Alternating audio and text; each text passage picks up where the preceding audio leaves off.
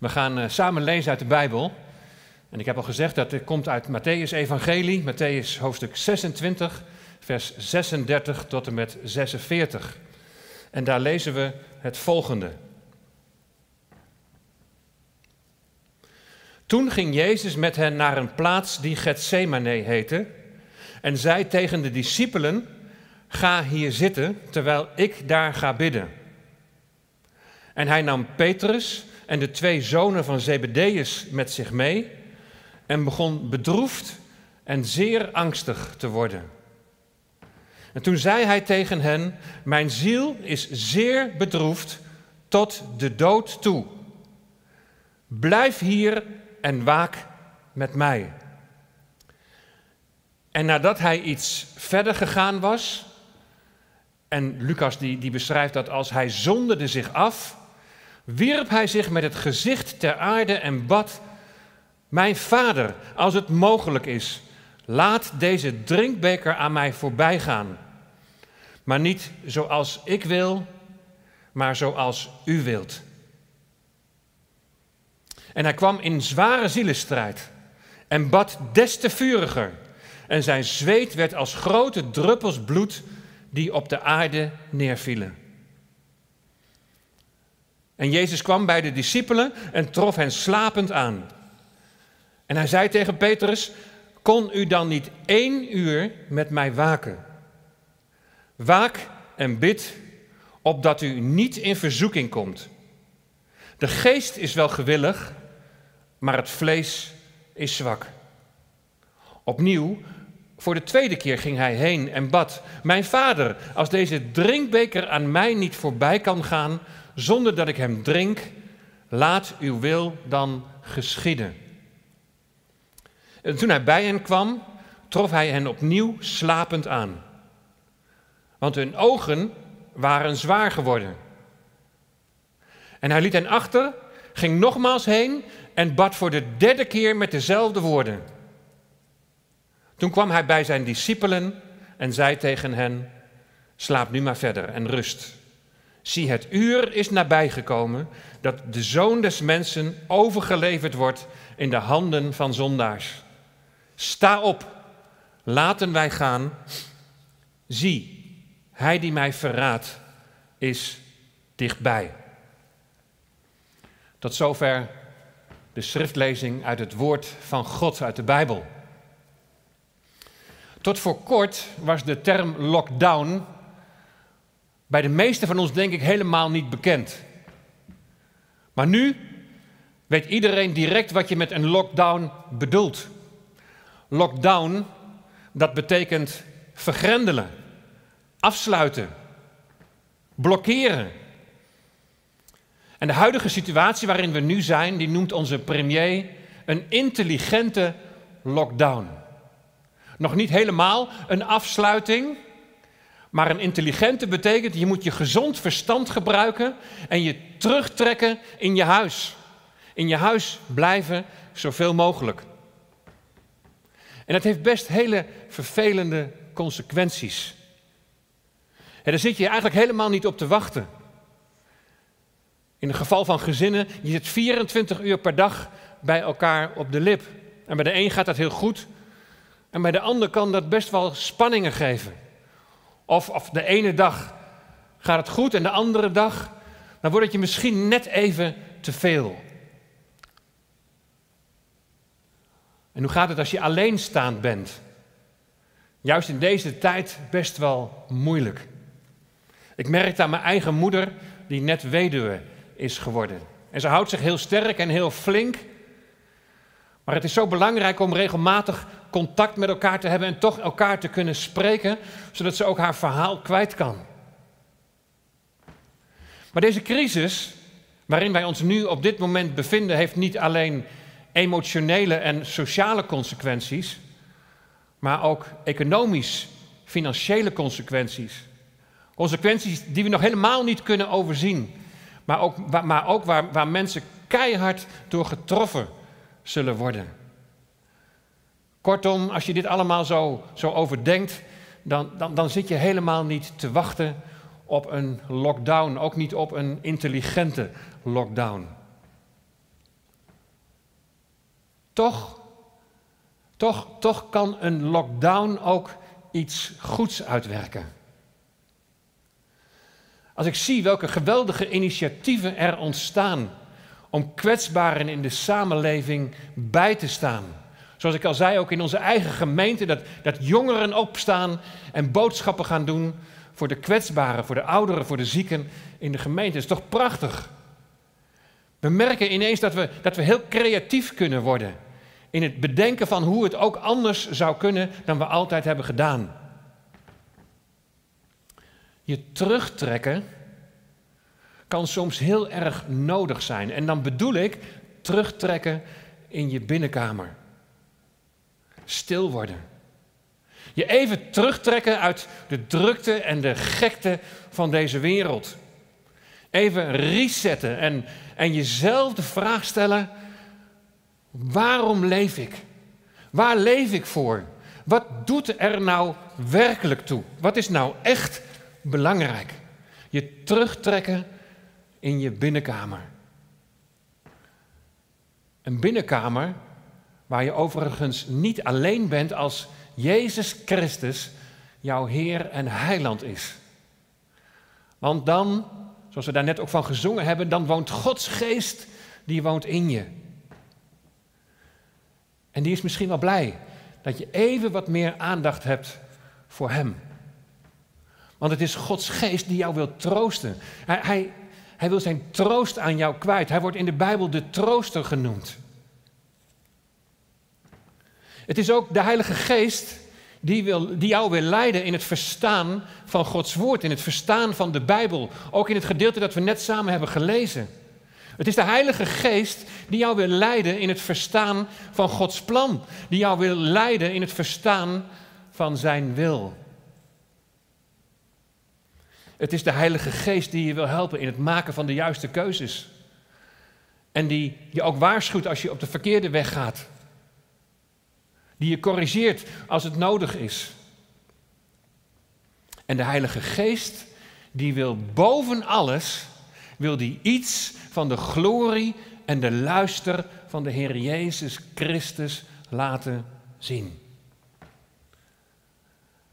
En het kan zomaar zijn dat dat voor jou een beetje op de achtergrond is geraakt.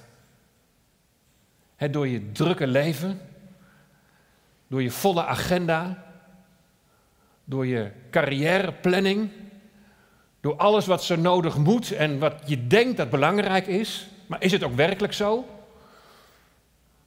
Het kan maar zo zijn dat het een beetje op de achtergrond is geraakt door problemen die je overkomen stukje innerlijke strijd of pijn of verdriet. Of misschien in deze tijd ook wel een stukje onzekerheid of, of angst. Je kunt er soms zo door overstelpt worden dat het zicht op God, dat het zicht op de Heer Jezus Christus en wie Hij voor jou wil zijn, dat dat toch enigszins vertroebelt.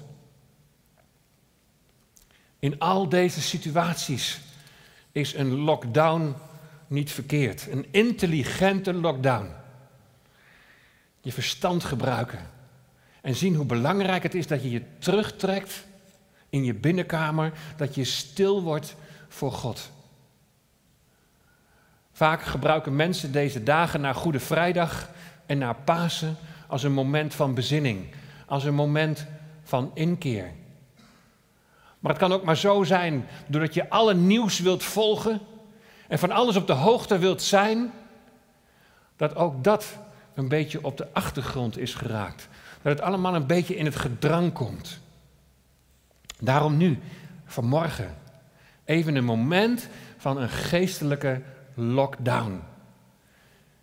En in de hoop dat dit ook echt in de komende tijd zijn uitwerking in je leven mag hebben. In de rust komen en in die stilte herontdekken wie Jezus is. Wie Hij voor jou wil zijn. Wat Hij voor jou heeft gedaan. Een reset. Opnieuw in verwondering. Opnieuw die overgave. Mag ik je vanmorgen meenemen naar de, naar de rust en naar de stilte van de hof van Gethsemane. De plek waar Jezus zich terugtrekt. Een intelligente lockdown in de hof van Gethsemane. De hof van Gethsemane, zo bij de Olijfberg, is voor de Heer Jezus een bekende plaats. Het was een plaats waar hij zich regelmatig terugtrok om met zijn vader in gesprek te zijn. Weg uit de drukte van de stad, uit de drukte van het dagelijks leven. Tot rust komen van alles wat hij heeft meegemaakt. Hij is vlak hiervoor is hij gezalfd met het oog op zijn begrafenis. Nou, hij weet precies wat er aan gaat komen. Hij weet precies wat er gaat gebeuren. Hij heeft met zijn discipelen de laatste paascha-maaltijd gevierd. En toen heeft hij nog de beker van de verlossing, die heeft hij opgeheven. En toen zei hij van deze beker, die zal ik straks weer pas met jullie kunnen drinken als dat nieuwe koninkrijk komt. Judas is ontmaskerd als zijn verrader. Hoe pijnlijk. En Petrus, hem werd voorzegd dat hij driemaal zal ontkennen dat hij Jezus kent. Ik ken hem niet. Dat gebeurt allemaal zo vlak voordat ze afreizen naar de hof van Gethsemane. En het is zoals gezegd voor Jezus een bekende plaats, maar ook een bekende plaats voor Judas, die hem zal verraden. Dus Jezus die trekt zich wel terug, hij gaat echter niet naar een geheime plek.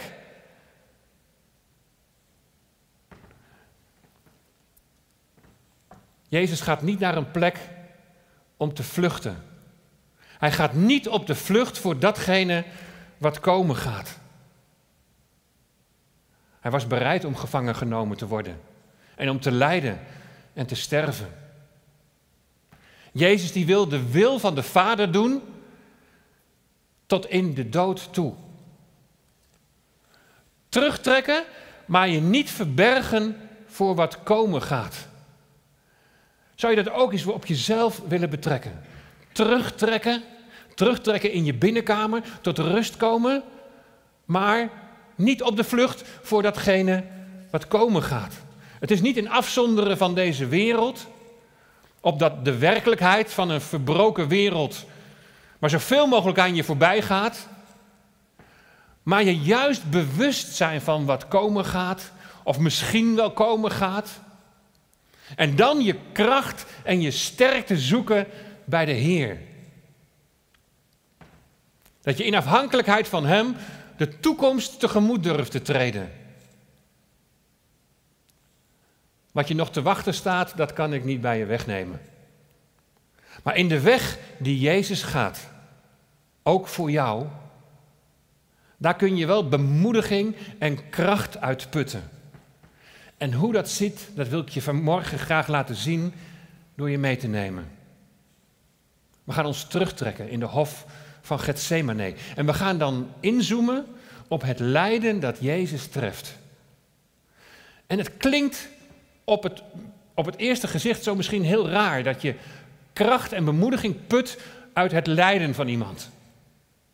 En je ziet vandaag de filmpjes voorbij komen van mensen die lijden onder het coronavirus die nauwelijks meer kunnen ademen of daar volledige ondersteuning bij nodig hebben, ja, daar word je niet blij van. Daar neemt de angst misschien alleen maar door toe van wat je kan overkomen. Dat is niet echt bemoedigend. Maar als het gaat om het lijden van de Heer Jezus, dan is dat totaal anders. Niet dat zijn lijden minder is, integendeel. We zien hier ook de strijd tegen een virus. Een ander virus dan het coronavirus. Een virus dat, dat Jezus naar zich toetrekt en wegneemt bij mensen die Hem als vaccin vertrouwen. Als je vertrouwd bent met de boodschap van het evangelie, dan weet je direct wat ik bedoel. Maar misschien ben je er niet mee vertrouwd. Laat ik je dan, dan hierin meenemen. Een virus dat Jezus naar zich toetrekt en wegneemt bij mensen die Hem als vaccin vertrouwen. Ik wil je meenemen naar een moment dat de Heer Jezus zich heel kwetsbaar opstelt. Hij begon bedroefd en zeer angstig te worden. En hier zie je kenmerken die, die je misschien niet zo op het eerste oog bij de Heer Jezus zou verwachten. Hij is immers de zoon van God en dan bedroefd zijn en, en zeer angstig. Ja, dus toch. Waar is hij dan zo bedroefd over? Is hij er bedroefd over wat mensen hem aan gaan doen? Wat ze hem al aandoen? Of is hij bedroefd over mensen die zich afkeren van God? Bedroefd. In die betekenis zou je dan kunnen vertalen als ja, teleurgesteld, verdrietig. Maar is dat de betekenis van het Griekse woord dat vertaald is met droefheid? Het woord dat voor droefheid wordt gebruikt in het Grieks is perilupos. Peri betekent rondom en lupos betekent smaad. Het is een rondom door smaad en smarten omgeven. Lupos betekent smaad. Nee, betekent smarten, sorry. Helemaal omgeven, helemaal omheerst worden, beheerst worden door smart, door pijn. En die smart is niet een lichamelijke pijn, het is geen hartklopping of hoofdpijn. Het is een diepe pijn, een diep verdriet in je ziel. Het treft je hele ziel, het treft je hele zijn. Wat trouwens wel uitwerking kan hebben op je lichaam. We zien bij Jezus dat zijn zweet werd als bloeddruppels. En dat is mogelijk als je onder extreme druk staat. De pijn in de ziel van Jezus is erger dan lichaamspijn. Wat Jezus hier moet verwerken, wat droefheid veroorzaakt, is zeker net zo zwaar als het lichamelijke lijden, de kruisiging die hem te wachten staat. En wat is dan die zielesmart? Wat is dan die pijn in zijn ziel? De pijn die zijn hele wezen beheerst. Ik kan me niet indenken dat de smarten van Gethsemane werden veroorzaakt door een aanval van Satan, van de duivel. Oh, het kan zijn dat hij er aanwezig was. En dat hij zijn best doet om dat gevoel van droefheid en angst nog te versterken. Maar daar ligt niet de eerste aanleiding om bedroefd en angstig te zijn.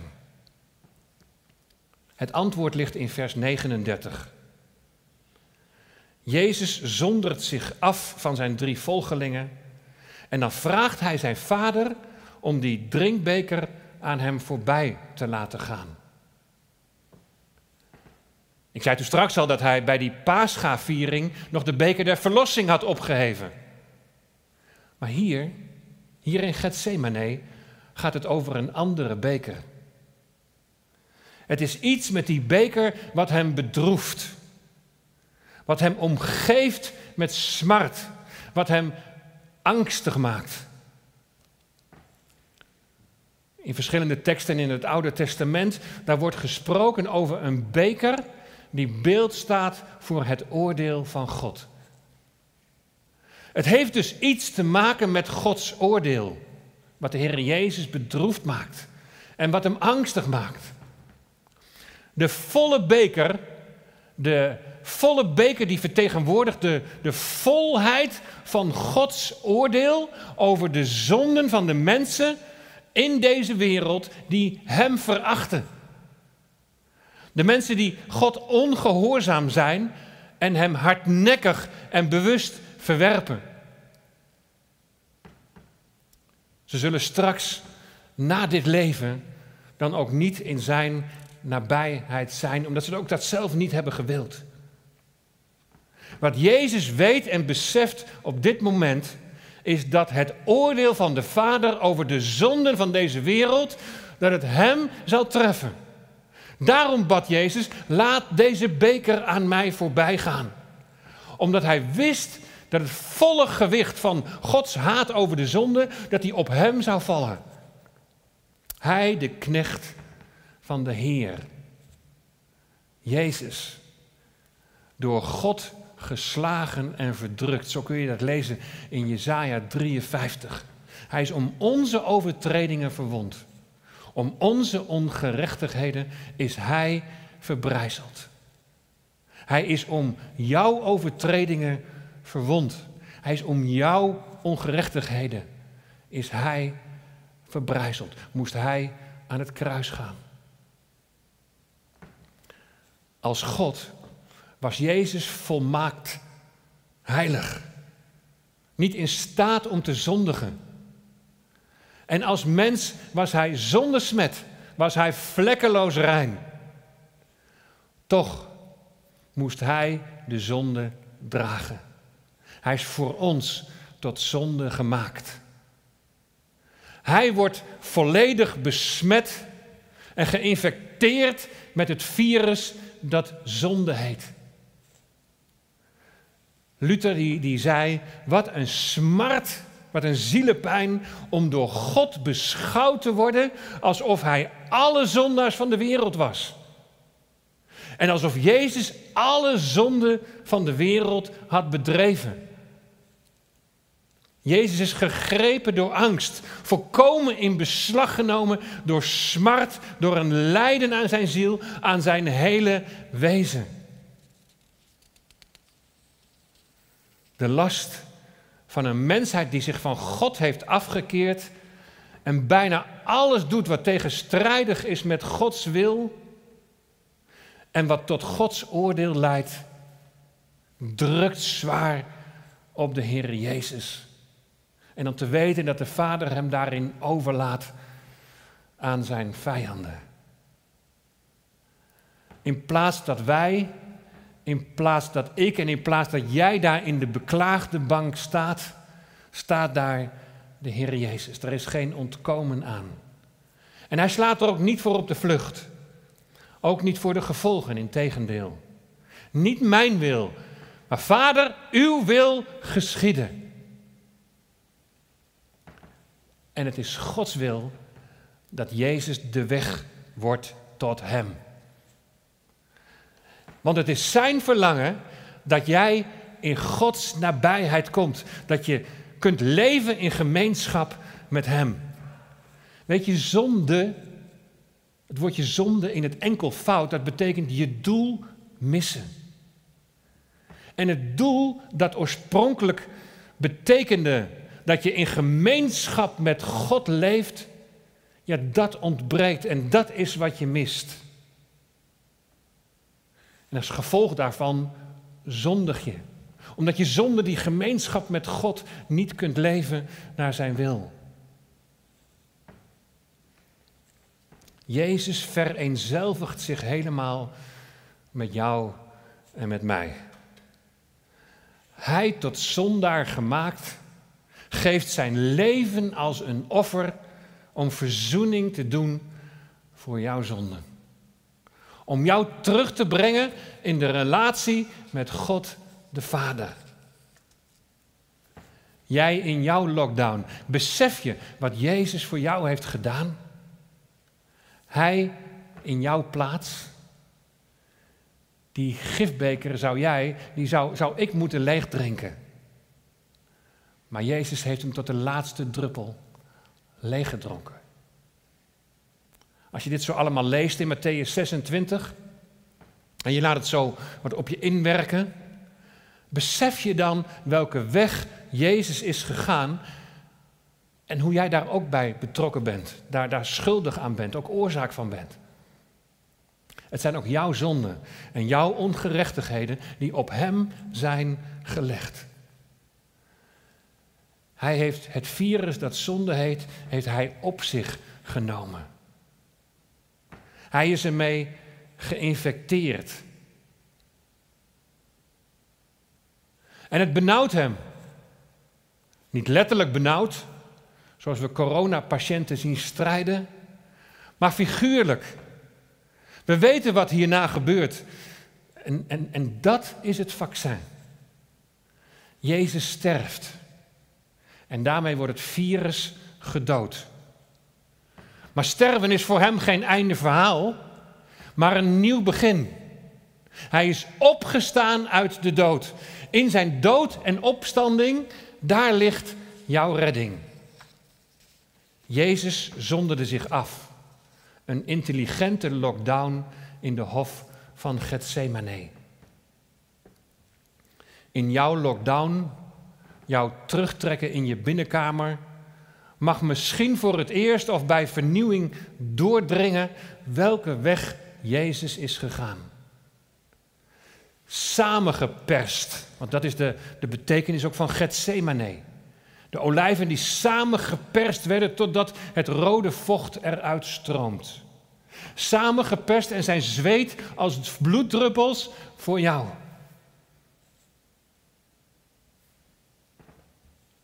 Vlak voordat mijn vader afgelopen 10 december stierf, werd hij klam over zijn hele lichaam.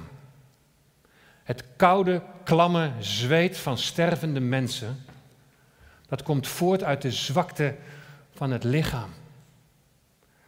En toen ik dat constateerde, zei de internist: Bel nu direct je moeder, want nu gaat het heel snel. Maar het bloedige zweet van Jezus kwam voort uit de uitputting van zijn ziel. Zijn pijn over de zonde van mensen. Alles op hem gelegd. We zullen vanmorgen mensen luisteren die al jaren in de kerk komen en nog niet zeker weten of er vergeving is voor hun zonde. Die niet weten of ze zijn gered. Er zullen vanmorgen mensen luisteren die niet de zekerheid hebben of, of God wel van hen houdt. Of God je wel lief heeft. Weet je, in al deze drie gevallen moet ik heel hard zijn. Want zachte heelmeesters maken stinkende wonden. In alle drie gevallen, als je niet weet of er voor jou vergeving is. En als je niet weet of je gered bent. En als je eraan twijfelt of God wel van je houdt, dan neem je Gethsemane en wat daar gebeurt niet serieus. Hij vereenzelvigde zich met jou. Om je vergeving te kunnen schenken, om je te redden. En hij deed dat alles uit onvoorwaardelijke liefde voor jou. En dan zeggen, ja, ik, ik weet het niet. Als je denkt daar nog zelf iets te voor moeten doen, of denkt daar zelf nog iets aan te kunnen toevoegen, dan neem je de strijd in Gethsemane en de dood van Jezus aan het kruis niet serieus. Want al zo lief heeft God de wereld gehad, dat Hij zijn enige geboren zoon gegeven heeft, opdat een ieder die in Hem gelooft, niet verloren gaat, maar eeuwig leven heeft. Hier zie je, het komt enkel en alleen aan op geloof. Geloof betekent dat je vertrouwt op de Heer Jezus. Dat je erop vertrouwt wat Hij voor jou heeft gedaan. Op de Heer Jezus vertrouwen en je weg met Hem vervolgen. In de rust komen. En in die stilte ontdekken, of misschien wel even weer herontdekken wie Jezus is. Wie Hij voor jou wil zijn, wat Hij voor jou heeft gedaan. Een reset, een, een nieuwe verwondering, overgave. Overgave, dat is wat God van je vraagt.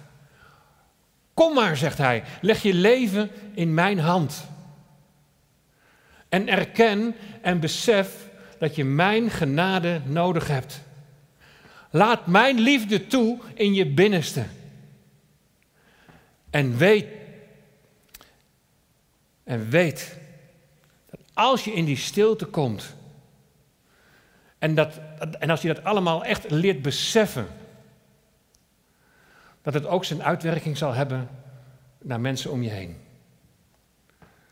Als er onderling spanningen ontstaan, en dat is echt helemaal niet vreemd in de tijd waarin we nu zijn en nu leven. Dan komt daar ook dat besef, ja, maar ik heb niet alleen genade nodig, maar ik moet ook genade schenken. Gaan we elkaar genadevol benaderen? Gaat de liefde het winnen van de strijd? Ken je dat leven in afhankelijkheid van Hem? Merk je al een reset bij jezelf? Proef je al iets bij jezelf van een verlangen om meer in de aanwezigheid van God te zijn? Helpt deze lockdown je om voor het eerst of opnieuw in verwondering te staan over Hem? In verwondering te staan over de Heer Jezus? En groeit het verlangen om je door Zijn geest te laten leiden? In deze wereld verschil te maken door iets van de glorie van Jezus te laten zien, door ook te laten zien hoe jij in het leven staat te midden van deze, al deze onzekerheden, hoe jij met deze crisis omgaat. Dat je uitstraalt dat je op God vertrouwt. En je naaste behulpzaam bent in deze moeilijke tijd. Ik hoop het van harte.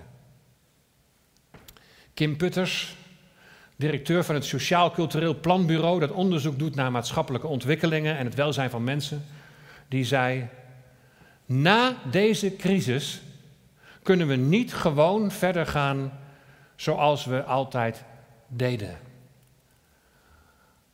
Laat die eens even binnenkomen. Na deze crisis kunnen we niet gewoon verder gaan zoals we altijd deden. En, en hij doelt dan op mooie initiatieven die ontstaan op maatschappelijk gebied. de saamhorigheid die, die je ziet ontstaan in een tijd van, van lijden, van crisis. Nou, dat zou geweldig zijn. Als het inderdaad niet verder gaat zoals het altijd is gegaan, maar dat deze, deze dingen ook blijven. Maar voor vanmorgen zou ik het willen betrekken op je geestelijk leven.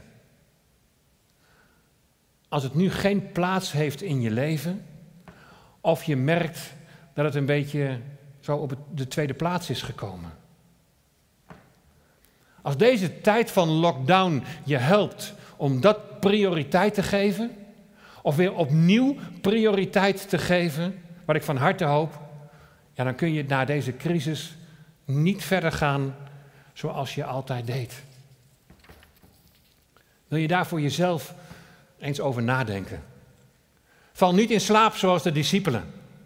Waak en bid opdat je niet in verzoeking komt. Verzoeking komt van de duivel. Die wil wat God nu in je bewerkt, wat je geestelijke leven betreft, straks zo weer van je wegroven op het moment dat alles weer in het gewone dagelijkse ritme doorgaat. De geest is wel gewillig, maar het vlees is zwak, zegt Jezus. Het vlees is zwak. We worden zo weer meegesleurd door de geest van deze tijd, waar mensen denken dat alles maar maakbaar is en we God niet nodig hebben. Alles zal straks gericht zijn op economisch herstel en heel begrijpelijk. Zeker als je bedrijf of je eigen bedrijf eraan onderdoor dreigt te gaan. Maar laat het niet ten koste gaan van de geestelijke lessen die je nu mag leren in deze lockdown. Wat je nu op dit moment leert. Waak en bid. Waken is bidden. En wie bidt, is waakzaam. Nog een keer. Waken is bidden. En wie bidt, is waakzaam. Bepaal dit nu als prioriteit in je leven. En laat het straks na de crisis niet wegroven.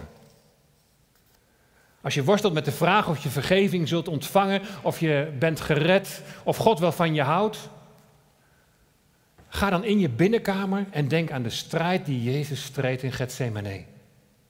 Een strijd die jij niet kunt volbrengen. Hij heeft voor jou gestreden, omdat hij zo van jou houdt. Als vandaag bekend zou worden dat er een vaccin is voor het coronavirus, dan wil iedereen dat vaccin hebben. Hoe zit het met dat vaccin dat zonde heet? Het gescheiden zijn van God. Jezus nam het virus van de zonde op zich en wil jouw vaccin zijn. Want Hij wil dat jij in de nabijheid van de Vader bent. Dat is liefde. Dat is onvoorwaardelijke liefde. En het is vrij verkrijgbaar. Vandaag, nu. Open je handen, open je hart en dank de Heer Jezus dat Hij streed voor jou. Schuil bij Hem. Laten we samen bidden. Trouwe Vader, Heer, we danken u voor uw woord. We danken u dat we zo bepaald mochten worden bij de strijd die de Heer Jezus streed. We danken u dat alles op Hem is gelegd en dat daardoor de weg vrij is gemaakt naar uw Vader. U zegt het in uw woord dat wij met vrijmoedigheid mogen komen voor uw troon van genade door het bloed van het lam, door het bloed van de Heer Jezus, door zijn offer. Kunnen we nu al in uw aanwezigheid zijn. En Heer, wat hebben we het nodig om bij u te zijn? En er kunnen allerlei redenen zijn, de drukte in ons leven, andere prioriteiten die we hebben gesteld, dat we ons daar maar zo weinig van bewust zijn geweest. Ook geef Heer dat we in deze geestelijke lockdown er opnieuw weer bij bepaald mogen worden dat u verlangt naar gemeenschap met uw schepselen, met uw kinderen. Leid ons Heilige Geest. Laat ons meer en meer zien van de glorie en de pracht van de Heer Jezus. Wie Hij is en wat Hij voor ons heeft gedaan. En werk uit in onze harten dat we iets van die liefde mogen weerspiegelen in deze wereld waar zoveel nood is en waar mensen nu zoveel angst hebben. Geef ons van uw rust en uw vrede. En dat we daarmee ook anderen kunnen bemoedigen. Komt u zo tot uw doel met deze tijd. We willen u loven en prijzen, u eren en u danken. Wees met hen die kwetsbaar zijn in deze maatschappij. Wees met de alleenstaanden. Geef hen kracht. Wees met hen die zorgen hebben. Wees met hen die strijd ervaren, misschien wel in hun gezin of in hun huwelijk. En dat misschien juist in tijden als deze extra onder druk komt te staan. O Heer, laat uw genade stromen. En dat we genadevol leren om met elkaar om te gaan. Opziende naar u, die alles heeft volbracht. Geprezen zij uw naam, in Jezus' naam. Amen.